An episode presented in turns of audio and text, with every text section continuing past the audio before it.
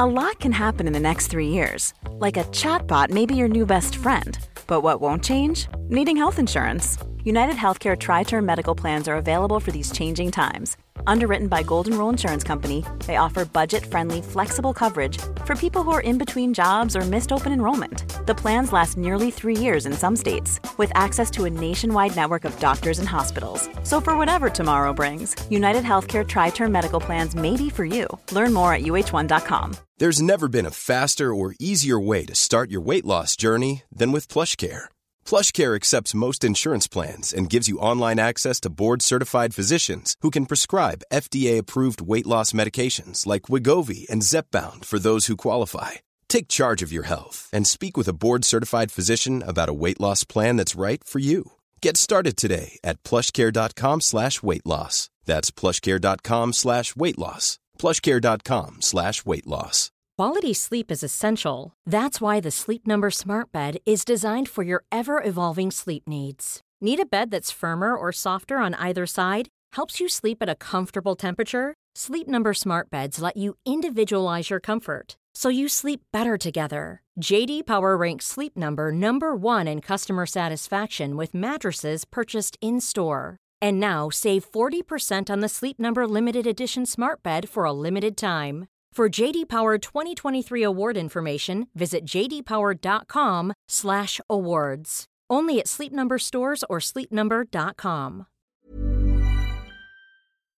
Palmemordet. Palmehatet. Sveriges statsminister Olof Palme är död. 90 000. Ja, det är mord på Sveavägen. Hörde de säger att det är Palme som är skjuten. Mordvapnet med säkerhet är en Smith Wesson, en revolver kaliber .357. Inte ett svar. Finns inte ett svar. För jag har inget. Och jag har inte varit Varför skulle jag göra Polisen söker en man i 35 till 40-årsåldern med mörkt hår och lång mörk rock. Välkomna till podden Palmemordet som idag görs av mig, Tobias Henriksson på PRS Media. Palmeutredningen är nu officiellt nedlagd, men det är verkligen inte podden. Ni har engagerat er minst lika mycket sedan lösningen kom och vill att podden ska vara kvar och givetvis ska vi se till att det blir så. Om du vill stötta det arbetet kan du gå in på patreon.com palmemodet och donera en summa som podden får per publicerat avsnitt. Länken finns även i avsnittsbeskrivningen. När det här spelas in är vi bara några få dollar per avsnitt från att återigen kunna ta upp polisspåret. Så är du intresserad av det finns det extra goda skäl att sponsra just nu. I en bra bit över 200 avsnitt har Dan och jag grottat ner oss i mordet, vapen, misstänkta, teorier och mycket mer. Men något vi inte pratat så mycket om är varför någon skulle vilja ha ihjäl Olof Palme. För att det fanns ett högst påtagligt hat mot landets statsminister, det är det inget som säger emot. Men vad berodde det på? I dagens avsnitt ska vi försöka sammanfatta det här så gott det låter sig göras. Vi kommer att gå än mer på djupet med det senare i podden, då vi bland annat ska titta närmare på Olof Palmes liv och gärning. Men nu tar vi oss tillbaka till sent 1900-tal och den tid och miljö som Palme verkade i. Olof Palme var en politiker som man antingen älskade eller hatade. Väldigt få var oberörda av honom. Hans vassa tunga och skarpa intellekt kunde mer eller mindre förgöra motståndare såväl i talarstolen som på trojmöten och internationella konferenser. En del av det hat som senare kom att uppstå mot honom kan ha att göra med hans bakgrund. Olof Palme föddes nämligen i Svea artilleriregementes församling på Östermalm i Stockholm och hans pappa var Gunnar Palme, verkställande direktör för försäkringsbolaget Thule. Mamman, Elisabeth von Knerem, var av tysk-lettisk adel och därmed var även hon sprungen ur en helt annan klass än den sonen Olof kom att företräda senare i livet. För hela familjen och släkten andades överklass och de politiska inriktningarna drog åt höger. Olofs mamma var till exempel aktiv i högens ungdomsförbund. När Olof Palme senare kom att bli socialdemokrat i själ och hjärta fanns det många som ansåg att han svikit sin klass och sitt arv. Något som gav upphov till, om inte hat, så i alla fall irritation och spydiga kommentarer. Men hur kom det sig då att överklasssonen började engagera sig i ett arbetarparti? Enligt Olof själv var det främst två händelser som bidrog till detta och båda hade med resor att göra. För efter andra världskrigets slut studerade Olof Palme i USA och blev 1948 Bachelor of Arts vid Kenyon College. Under den här tiden såg han också mycket av de stora klassklyftor och rasism som präglade det stora landet i väst. Något som fick honom att engagera sig för den lilla människan. Den andra resan som påverkade Olof i riktning mot socialdemokratin var en Asienresa 1953. Under den här resan blev det plågsamt tydligt för honom hur kolonialismen påverkat framförallt asiatiska och afrikanska länder. Som ni kanske vet gör Dan en podd om seriemördare, alltså Seriemördarpodden. Den handlar såklart om en person som vill döda många andra. När vi pratar om podden Palmemordet är det tvärtom. Här är det många personer som vill döda en enda. Så det gör det komplicerat att reda i alla de motiv eller allt det hat som kretsade kring Palme. Men vi kan börja med att konstatera att så skilda individer som Alf E, Palmehatets främsta företrädare, och svenska marinofficerare ville ha ihjäl Palme. Även allas vår Leif GW Persson hade svårt för Palme under perioder i sitt liv och kallade honom bland annat i P3 Dokumentär för en jävla orm. För att kort berätta om det senare gör vi en avstickare till 1970-talets senare år och den så kallade Geijer-affären, även kallad bordellhärvan. Det hela började med att dåvarande rikspolischefen Carl Persson hade skickat ett PM till Olof Palme där det stod att ett flertal högt uppsatta personer köpt sexuella tjänster av prostituerade med anknytning till främmande makts underrättelsetjänst. Det här var allvarligt då det skulle kunna innebära ett hot mot rikets säkerhet. 1977 hade journalisten Peter Bratt fått nys om promemorian och kontaktade rikspolischefens särskilde rådgivare som var just Leif GW Persson. Persson bekräftade att promemorian fanns och skickats mot att han fick vara anonym. Dagens Nyheter, som Peter Bratt jobbade för, slog på stora trumman och publicerade en artikel om ämnet.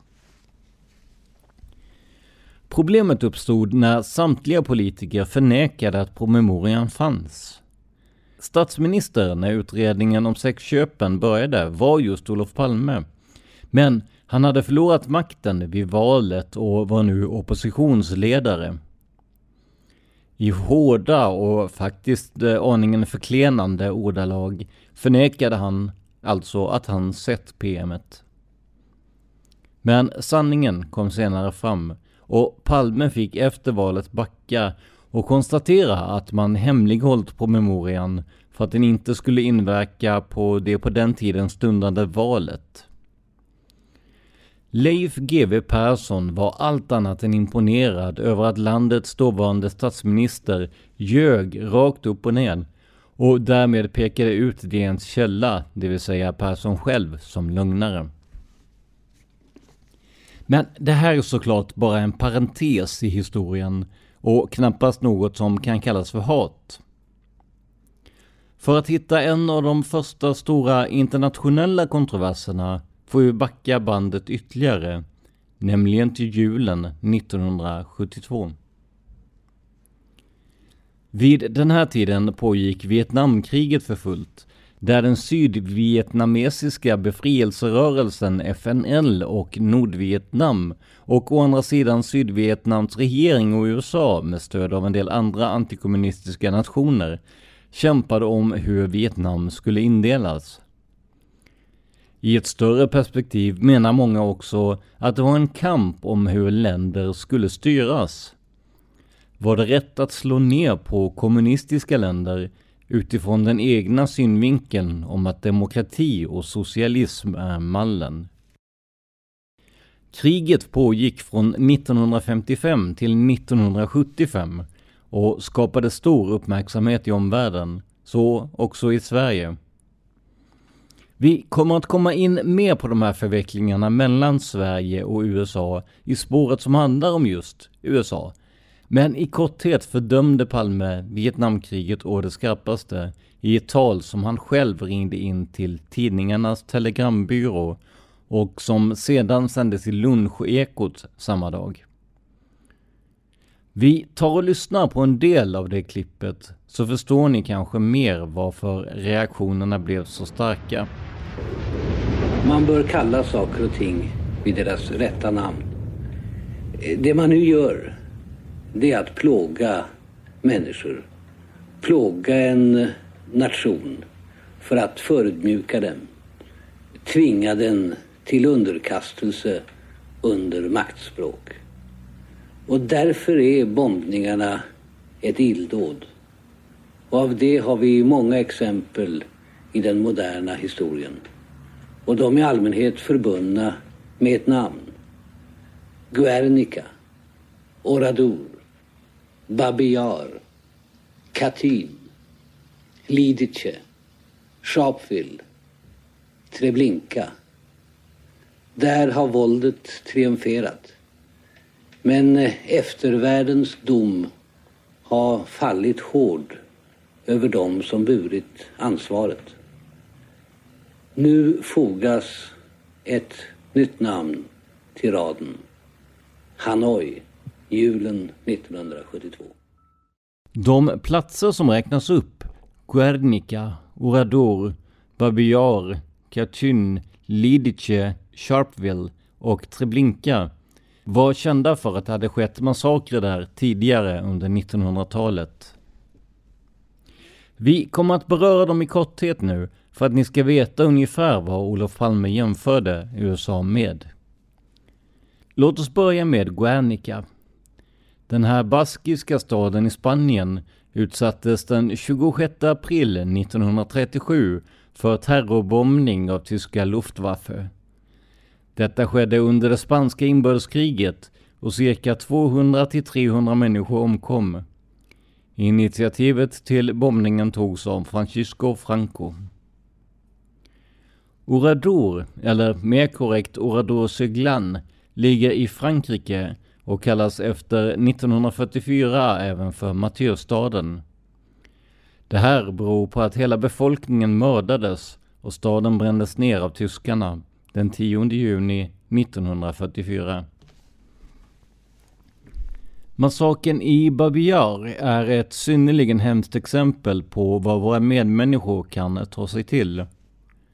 Platsen är egentligen en ravin utanför Kiev i nuvarande Ukraina, men har blivit mest känd för de massavrättningar som skedde här under andra världskriget. Det som påstods vara en evakuering av Kievs judar visade sig vara något helt annat. De judar som kallades till evakueringen skulle infinna sig vid järnvägsstationen och ha med sig varma kläder, persondokument, pengar och värdesaker. De som infann sig fördes ur staden och till ravinen, där de tvingades att klä av sig och sedan avrättades med maskingevär. Under två dagar i september 1941 mördades vid Babiar 33 771 ukrainska judar. Delaktiga i massmorden var även enheter ur Wehrmacht, Geheimefeldspolizei, Ordnungspolizei samt ukrainska milismän.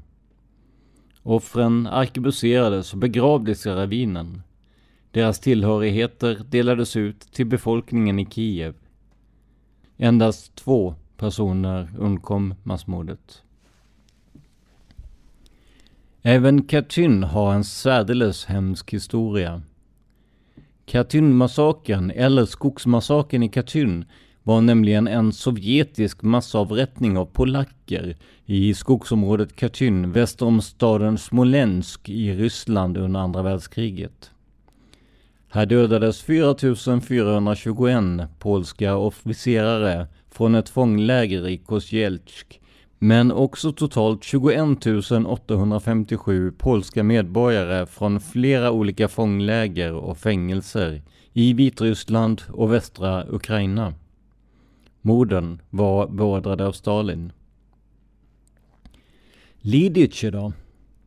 Jo, den 27 maj 1942 utsattes Böhmen Märens riksprotektor för ett attentat i Prag som ledde till hans död. Som vedergällning intog tyska polisenheter den 9 juni 1942 Lidice för att förinta byn. På förmiddagen den 10 juni hade 172 manliga invånare mellan 14 och 84 års ålder arkebuserats. Ytterligare 27 män sköts under de följande dagarna. 184 kvinnor föddes i koncentrationslägret Ravensbrück medan 11 kvinnor sattes i fängelse. Av kvinnorna överlevde 143. Av de 98 barn som bortfördes ansågs åtta vara rasligt rena och placerades i tyska familjer. De övriga mördades i gasvagnar i förintelselägret i Chelmno. Massaken i Sharpeville, Sydafrika, ägde rum när delar av den svarta befolkningen i området skulle protestera mot den rasism som de utsattes för och som ingen höjde på ögonbrynet åt i dåtidens Sydafrika. Planen för de mellan 5000 och 7000 demonstranterna var att inte bära några pass och därmed avsiktligt bryta mot lagen. Man skulle sedan fredligt överlämna sig till polisen som då skulle tvingas arrestera samtliga. Detta skulle i sin tur överbelasta fängelserna och tömma den tillgängliga arbetskraften så att den lokala ekonomin slogs ut. När folkmassan marscherade mot polisstationen i Sharpeville möttes de av färre än 20 poliser vilka när antalet demonstranter ökade förstärktes med ytterligare 130 man och fyra pansarfordon. Stämningen övergick snart till att bli mycket spänd. Polisen, som även normalt sett behandlade svarta demonstranter mycket strängt, beväpnade sig med gevär och kulsprutor medan några av demonstranterna beväpnade sig med stenar.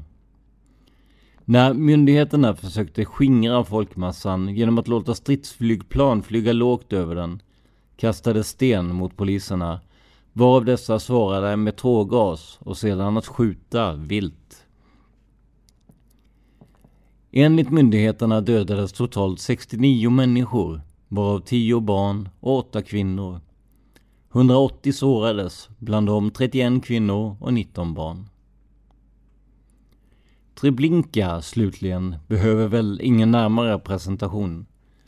Det var ett av naziregimens förintelseläger och i Treblinka 1 och 2 dödades över 875 000 personer. Det kan kanske kännas överflödigt att ta upp alla de här platserna, men det har ett syfte. För alla Olof Palmes exempel har en sak gemensamt. På de här platserna skedde outhärdligt grymma dåd mot människor som var svagare eller hade fel etnicitet eller hudfärg. Det här uttalandet som ni hörde innan fick självklart stor internationell uppmärksamhet och blev förstasidesnyhet i tidningar på många håll i världen. Den svenska ambassadören i USA, Hubert Debesch, blev snabbt uppkallad till den amerikanska utrikesministern Alexis Johnson som framförde protester mot talet på order direkt från Nixon. Som en konsekvens lät USA inte sin chargé d'affaires John Guthrie återvända till Stockholm. Inte heller ansågs den svenska ambassadören i USA, varken Debesch eller dennes redan utsedda efterträdare Yngve Möller, välkommen i USA. Denna linje slogs fast av den amerikanska presidenten den 21 januari 1973. Även i Sverige fick eh, uttalandet konsekvenser. I en nationell manifestation, Sverige för fred i Vietnam, skrev samtliga partiledare för riksdagens partier den 28 december 1972 under ett upprop för omedelbart stopp av bombningarna. Ytterligare 2,7 miljoner svenskar undertecknade manifestationen. Med tanke på Palmes skarpa kritik och fördömande av Vietnamkriget var han med andra ord allt annat än populär i USA. När han dessutom började engagera sig allt mer i internationella frågor, oftast på de svagare ländernas sida, blev USA om möjligt än mindre imponerad av den kaxige svensken som enligt dem lekte världspolis. Spänningarna länderna emellan höll i sig under Palmes återstående livstid, om än inte i samma tonläge som runt Vietnamkriget. It's that time of the year. Your vacation is coming up. You can already hear the beach waves feel the warm breeze, relax, and think about work. You really, really want it all to work out while you're away. Monday.com gives you and the team that peace of mind. When all work is on one platform and everyone's in sync, things just flow wherever you are. Tap the banner to go to Monday.com. I'm Sandra, and I'm just the professional your small business was looking for. But you didn't hire me because you didn't use LinkedIn jobs. LinkedIn has professionals you can't find anywhere else, including those who aren't actively looking for a new job but might be open to the perfect role, like me. In a given month, over 70% of LinkedIn users don't visit other leading job sites. So if you're not looking on LinkedIn, you'll miss out on great candidates like Sandra. Start hiring professionals like a professional. Post your free job on linkedin.com/people today. If you're looking for plump lips that last, you need to know about Juvederm lip fillers. With Juvederm Volbella XC and Juvederm Ultra XC, your lip look, whether it's subtle or bold, can last up to one full year with optimal treatment and no additional maintenance. Find a licensed specialist and see if it's right for you at juvederm.com today. That's J U V E D E R M.com. Add fullness to lips in adults over 21 with Juvederm Volbella XC or Juvederm Ultra XC. Do not use if you have severe allergies or a history of severe allergic reactions, or if you're allergic to lidocaine or the proteins used in Juvederm. Tell your doctor if you have a history of scarring or taking medicines that decrease the body's immune response or that can prolong bleeding. Common side effects include injection site redness, swelling, pain, tenderness, firmness, lumps, bumps, bruising, discoloration, or itching. As with all fillers, there's a rare risk of unintentional injection into a blood vessel, which can cause vision abnormalities, blindness, stroke, temporary scabs, or scarring. For full important safety information, visit juvederm.com.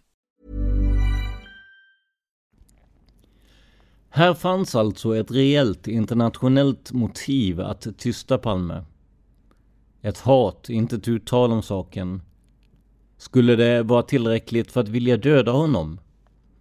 Det vet vi inte i dagsläget. Men vi kommer att återkomma till frågan i spåret CIA och USA.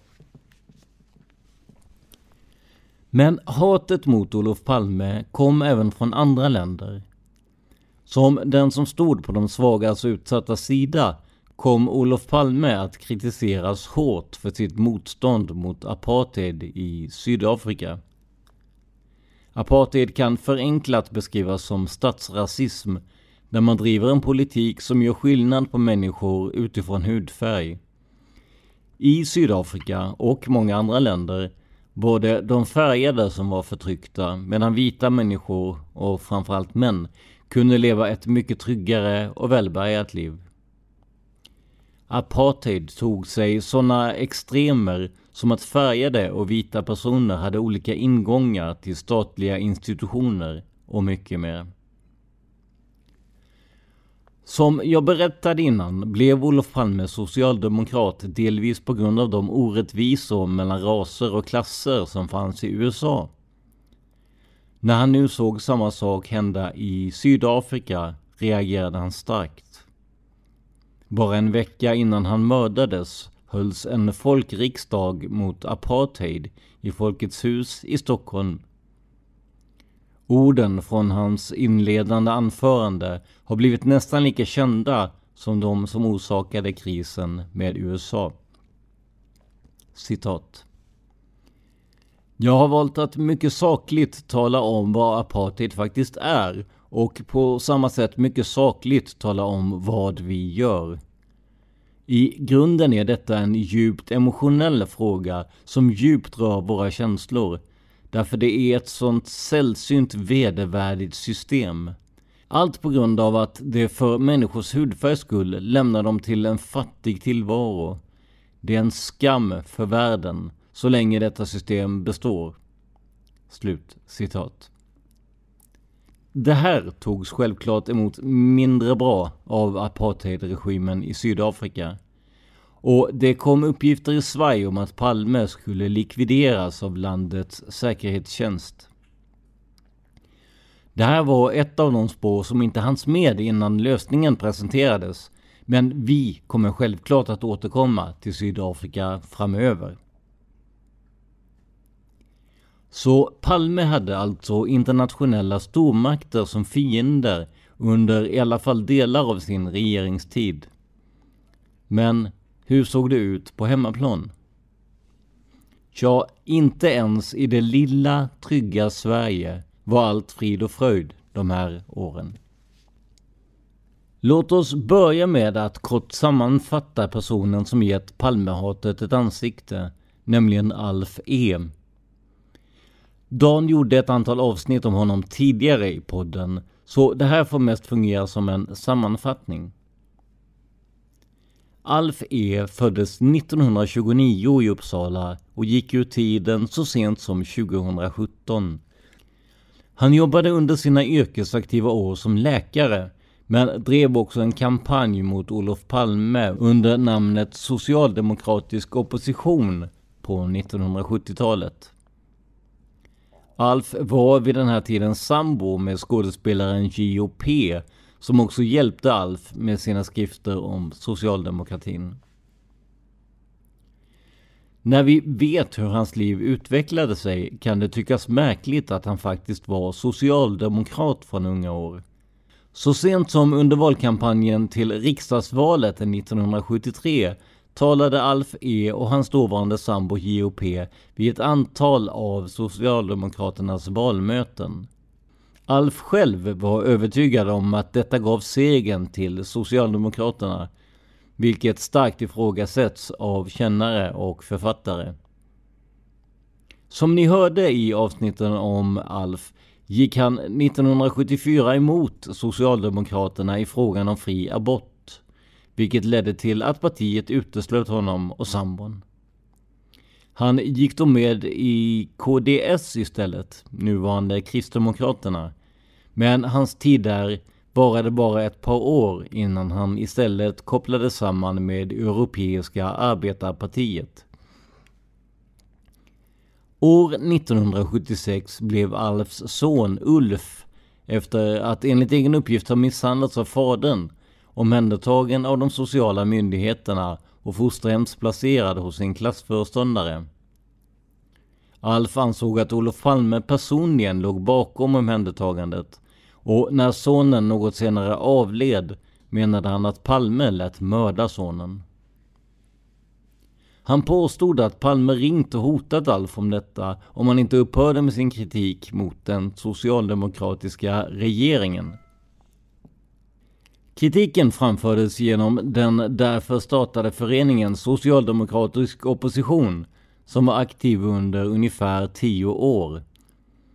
Kritiken framfördes främst genom regelbunden annonsering i svenska tidningar och riktade sig bland annat mot fri abort och löntagarfonder på temat Vi anklagar regeringen Palme. I avsnitten om Alf E kan ni höra en av de annonser som han fick in i tidningarna. Men Alf nöjde sig inte där. År 1977 gav han ut debattboken Vi fällde regeringen, ett fall för Olof Palme. I boken förekom bland annat en reproduktion av ett inlägg författat av eh, JOP och Alf E för Nya Värmlandstidningen där Alf och Gio framförde en rad anklagelser mot den svenska socialdemokratin. Enligt dem själva hade de motarbetats genom en socialdemokratisk konspiration. Förutom detta var Alf under en tid även gästkrönikör i tidningen Kontra. Alf E's liv blev mot slutet allt mer kaotiskt och han kom att vräkas från sin pampiga lägenhet. I samband med detta sköt han en kvinnlig polis eftersom han begärt handräckning vid vräkningen. Han dömdes därmed till rättspsykiatrisk vård med särskild utskrivningsprövning.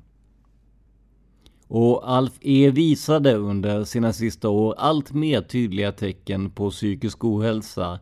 Precis det som domstolen slagit fast.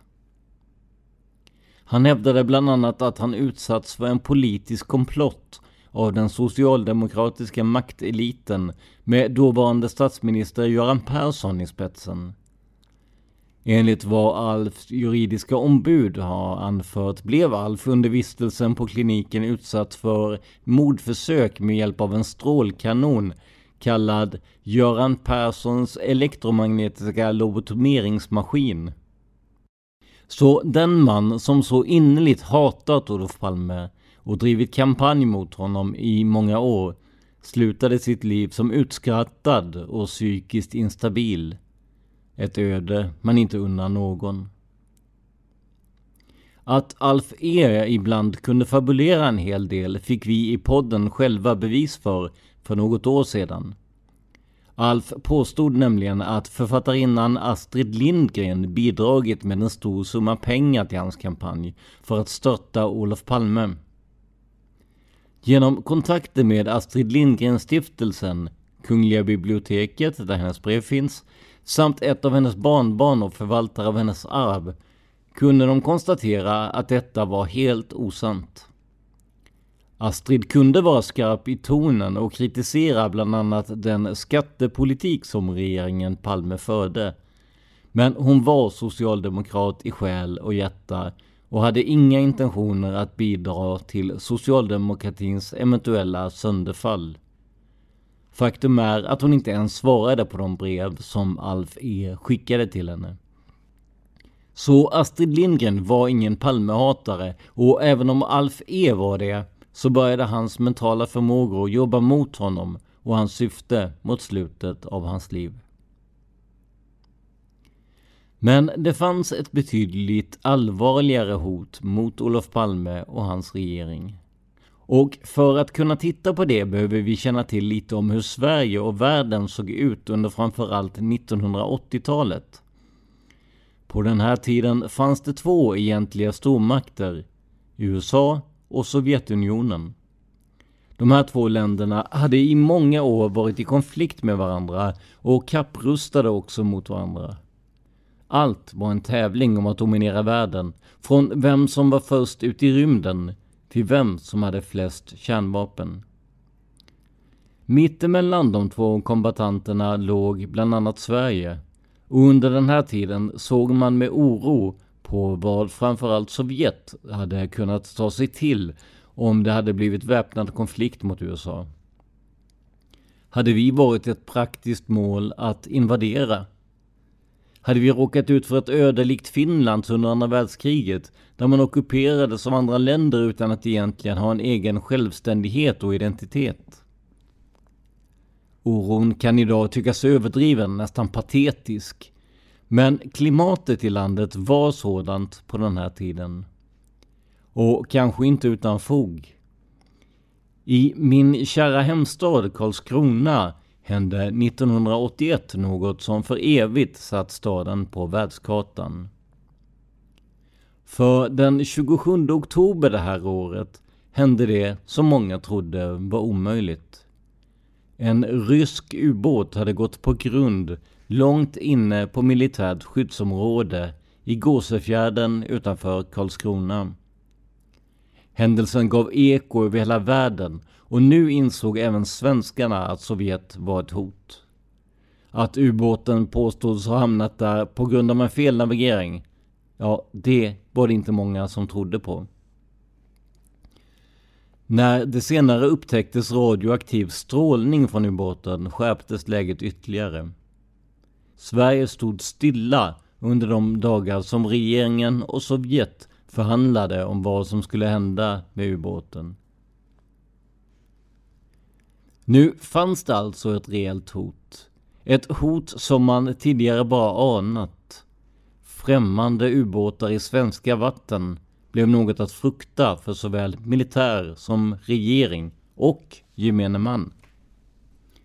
Nästa större händelse vad gällde påstådda främmande intrång i svenskt vatten blev Hårsfjärdsincidenten. Här identifierade marinen en främmande ubåt och en regelrätt ubåtsjakt påbörjades.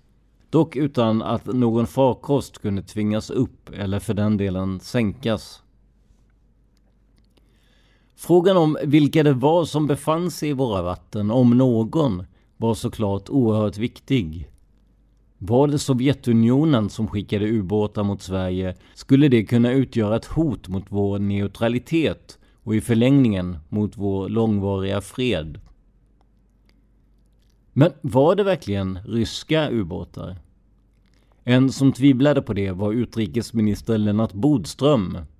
Han menade att bevisen för att Sovjet verkligen bedrev ett systematiskt spioneri mot Sverige inte räckte till. En stark mediakampanj satte igång som mer eller mindre antydde att Bodström var landsförrädare. För sådan var tonen på den här tiden.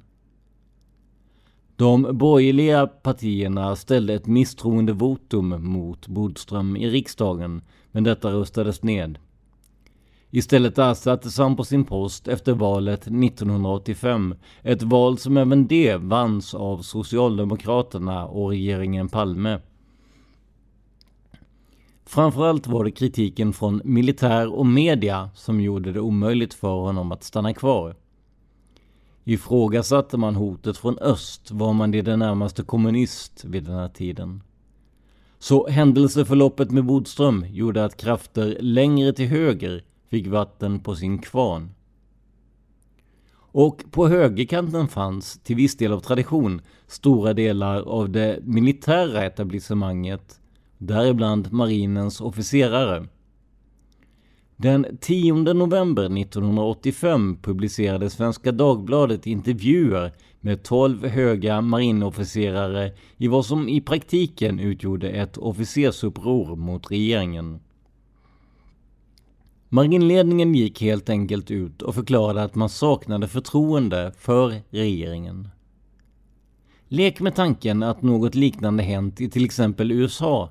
Då kunde vi förvänta oss att officerarna fått sparken, kanske till och med ställts inför rätta. Men här fick det ingen större efterverkning för de inblandade. Officersupproret hade inletts med en debattartikel av kommendörkapten Hans von Hofsten. I sin artikel berör von Hofsten bland annat disciplinen och befälsordningen inom det militära systemet. Von Hofsten ställer bland annat följande intressanta fråga. Citat. Varför har då tecken på sprickor i lojaliteten mot disciplin och befälsordning visat sig de senaste dagarna? Slutcitat. Han besvarar själv frågan. Citat. Omfattningen, intensiteten och allvaret i den främmande undervattenverksamheten i våra vatten förtigs, förringas eller till och med förlöjligas av statsminister och utrikesminister. Slutcitat.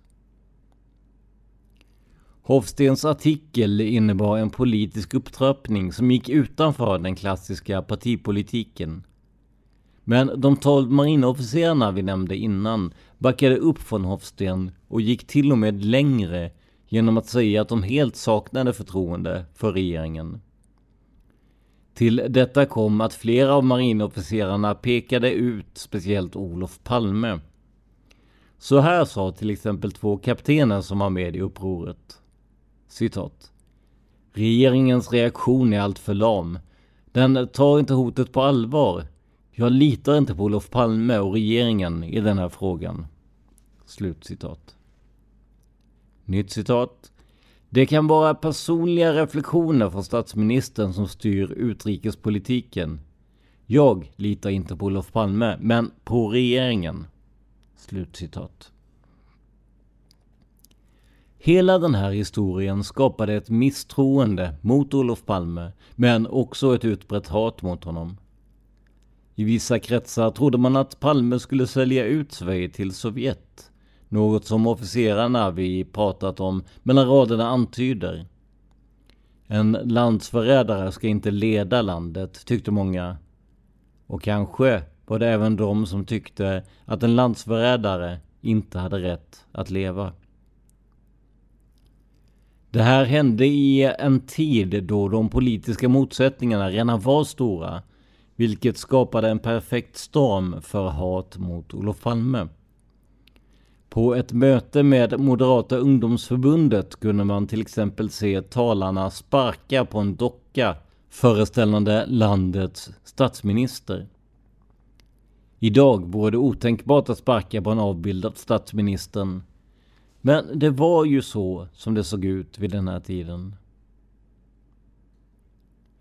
Kan något av det här ha legat bakom mordet på Olof Palme? Det vet vi inte, men vi kan konstatera att Palme var en ytterst kontroversiell politiker som man antingen älskade eller hatade. Han hade fienden över hela världen som vi sett idag. Men på samma sätt hade han många vänner, framförallt i tredje världen. Och det här är bara några av de grupper och personer som hade anledning att känna hat mot Olof Palme. Några av de andra, till exempel poliser på den politiska högerkanten, hoppas vi kunna prata mer om inom en snar framtid när vi kan köra igång med polisspåret igen. Vad tycker ni om dagens avsnitt? Ni som växte upp på den här tiden, hur upplevde ni Palmehatet? Skriv gärna några rader på facebook.com palmemordet. Glöm inte heller att du kan sponsra oss på patreon.com palmemodet. Ju fler som stöttar oss, desto bättre avsnitt har vi möjlighet att göra. Och som sagt, snart är vi tillbaka på den nivån där vi kan fortsätta med polisspåret igen. Så gå gärna in på länken i avsnittsbeskrivningen och visa ditt stöd för podden. Det här var veckans avsnitt av podden Palmemordet som idag gjordes av mig, Tobias Henriksson på PRS Media. För mer information om mig och mina projekt besök facebook.com prsmedia.se eller gilla oss på Instagram där vi heter PRS Media. Ett ord, små bokstäver.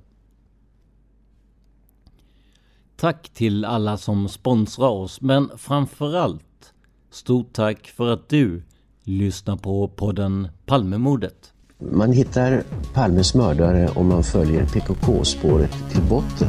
Därför att ända sedan Julius Caesars tid har jag aldrig hört talas om ett mord på en framstående politiker som inte haft politiska skäl.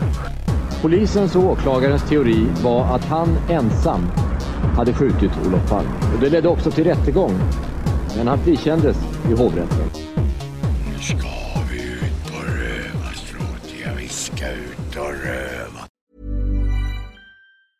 Hi, I'm Daniel, founder of Pretty Litter. Did you know cats tend to hide symptoms of sickness and pain? I learned this the hard way after losing my cat, Gingy. So I created Pretty Litter, a health monitoring litter that helps detect early signs of illness by changing colors, saving you money and potentially your cat's life. Pretty Litter is veterinarian developed, and it's the easiest way to keep tabs on your fur baby's health right at home. Go to prettylitter.com and use code ACAST for 20% off your first order and a free cat toy. Terms and conditions apply. See site for details. A lot can happen in three years, like a chatbot may be your new best friend. But what won't change? Needing health insurance. United Healthcare Tri Term Medical Plans, underwritten by Golden Rule Insurance Company, offer flexible, budget friendly coverage that lasts nearly three years in some states. Learn more at uh1.com. Even when we're on a budget, we still deserve nice things. Quince is a place to scoop up stunning high end goods for 50 to 80% less than similar brands. They have buttery soft cashmere sweaters starting at $50, luxurious Italian leather bags, and so much more. Plus, Quince only works with factories that use safe, ethical, and responsible manufacturing. Get the high-end goods you'll love without the high price tag with Quince. Go to quince.com/style for free shipping and 365-day returns.